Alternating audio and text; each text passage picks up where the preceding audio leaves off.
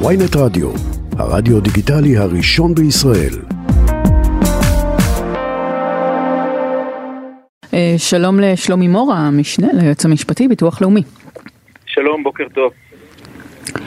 אה, קודם כל תספר לנו מענה למה זה, למה בעצם אה, להגדיל, זה בגלל מדד, זה בגלל שכר ממוצע, זה, איך, איך זה עובד ההחלטה להגדיל קצבאות? הקצבאות על פי החוק מוצמדות ברובן למדד. מדי שנה בראשון לינואר, על פי עליית המדד, הקצבאות גדלות. לשמחתנו, לאור מאבק הנכים שהיה ב-2018 ואילך, ובאמת בתמיכה גדולה של הביטוח הלאומי, דווקא קצבאות הנכות, שזה נכות כללית וילד נכה ושר"ם, הוצמדו לשכר הממוצע. ולכן השנה, עכשיו בתחילת השנה, את הקצבאות הללו אנחנו מעלים בגובה השכר הממוצע. לצערנו, את יתר הקצבאות, כמו שהסברתי, אזרח ותיק, קצבת זקנה, ילד נכה וכולי, אנחנו מצמידים עדיין למדד. אז בכל שנה יש את התוספת הזאת, אבל לצערי, שוב, רק בנכות כללית היא גדולה יותר. רגע, אבל, אבל נעשה שנייה סדר, כי קצבת זקנה וקצבת ילדים שהזכרת, זה לא, אין, אין פה מבחן הכנסה, נכון? ובקצבת נכות זה בעצם תלוי הוועדה הרפואית שלכם, נכון? נכון, אבל התנאי זכאות הם פחות חשובים. מה שחשוב כאן הוא העובדה שרוב קצבאות הביטוח הלאומי, שוב, אנחנו מצרים על כך וחושבים שזה צריך להיות אחרת, צמודים למדד. המדד אומנם השנה עלה בערך בחמישה אחוז, שזה יחסית הרבה, אבל כמובן שזה לא בהשוואה ליוקר המחיה שממשיך ועולה בשנים האחרונות. אבל העלייה הזאת היא מתונה יחסית. העלייה היא יותר משמעותית, באמת בנכות כללית יש מבחן הכנסות, אבל שם כמעט עשרה אחוזי עלייה, זו עלייה באמת משמעותית, שבאמת נותנת בשורה לאוכלוסייה הזו. ואני רואה שאמרתם שאתם חושבים שצריך לשקול העלאה של הקצבאות באמת, או להקל בתנאים מסוימים, ושאתם הולכים להציע לשר הנכנס כל מיני תיקוני חקיקה ופעולות. יש לך דוגמה לדברים כאלה שתציעו? כן, יש לא מעט הוראות חוק שעלולות לפוג אם אנחנו לא נביא אותם עכשיו במסגרת חוק ההסדרים, או לא נדאג שהכנסת תאריך אותם. לדוגמה, בנכות כללית הזכאות של נכה כללי מופחתת אם יש לו הכנסות אה, שאינן מעבודה. לדוגמה, קצבאות כאלה ואחרות שמקורם לא בביטוח הלאומי. והיום החוק נותן לו פטור של כאלף ש"ח, זאת אומרת, לא מביאים בחשבון את כל ההכנסה שלו. אם אנחנו לא נאריך את החוק הזה, המשמעות שנכים רבים תקוזז הקצבה שלהם. ואנחנו נאלץ להפחית להם את הסכומים האלה, אנחנו לא מעוניינים בכך. אבל זה המשך של המצב הקיים, אני מבין שאתם חושבים שצריך גם ממש להעלות קצבאות או להקל בתנאים מסוימים של קצבאות אחרות, כלומר הקלה מסוימת. זה גם נכון, יש, לצערי יש דוגמאות רבות שבהן אנחנו מעוניינים להציב את המצב הקיים, לדוגמה סיעוד, גמלת סיעוד היום היא גמלה שכמעט כל אחד מאיתנו מכיר מישהו שזכאי לה. כן.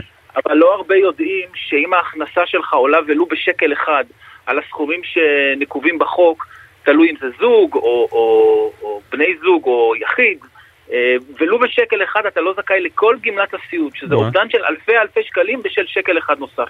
אז הרצון שלנו, לדוגמה, אם אתה מבקש דוגמה, זה לקבוע מדרגות, כדי מדרגות, שתוכל בטח. לקבל ולו אוקיי. זכאות חלקית.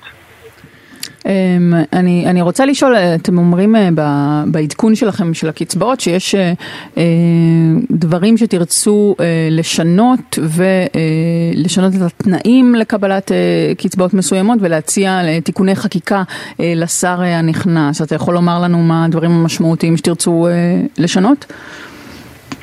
אז אז נתתי את הדוגמה בסיעוד לדוגמה. יש גם דוגמאות בקצבת אזרח ותיק. היום הזכאות בקצבת אזרח ותיק היא גם כן, כפי שציינתם קודם, מבוססת על מבחן הכנסות. אנחנו רוצים לשפר את מבחן ההכנסות הזה.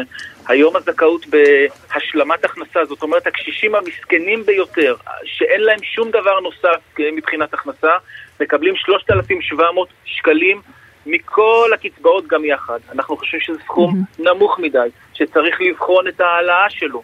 אנחנו חושבים שצריך לאפשר לקשישים עובדים להרוויח יותר. ועדיין שלא תהיה פגיעה בזכאות שלהם. אתה בעצם אבל מכוון לזה שקצבת זקנה תצטרך להיות כן מבוססת על מבחן הכנסה או מבחן רכוש כלשהו, לא? היום הקצבה, קצבת אה, אזרח ותיק, קצבת זקנה, היא מבוססת על מבחן הכנסה עד גיל 70. אחרי גיל 70 היא לא מבוססת. אז אני מדבר על הזכאות, בן אדם פורש בגיל 67 ממקום עבודתו ורוצה להמשיך לעבוד. אין שום סיבה שכל מי שמרוויח שקל יותר מהשכר הממוצע, או סליחה, שקל יותר מ-6,700 שקלים, תתחיל קצבת האזרח הוותיק שלו להיפגע. זה בהחלט דבר שאנחנו רוצים לשפר. ורוצים לאפשר לאנשים לעבוד גם אחרי שהם יצאו לגיל אה, פרישת אה, חובה על פי חוק. אה, דוגמאות נוספות שאני יכול לתת לכם, לצערנו יש לנו הרבה דוגמאות, מבחני הכנסה למשפחות חד-הוריות בהבטחת הכנסה, היום המשפחות החד-הוריות הללו זכאיות להבטחת הכנסה והמבחן שלהם, מבחן ההכנסות הוא בעייתי בלשון המעטה, אנחנו רוצים לשפר אותו, אנחנו רוצים להעריך גם את המצב הקיים. אה, ידינו מלאות, ואנחנו בטוחים שיחד עם השר החדש והממשלה החדשה אנחנו נעשה כל מה שניתן כדי לסייע לאוכלוסיות הללו.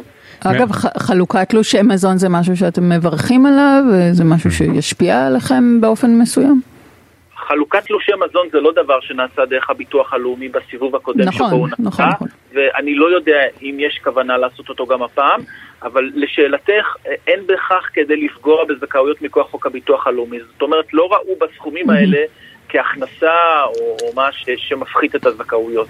שלומי מור, המשנה ליועץ... רוצ... אה, סליחה, סליחה, סליחה. סליחה. לא, לא, אני רציתי, אני נכון שאני זה. בבקשה.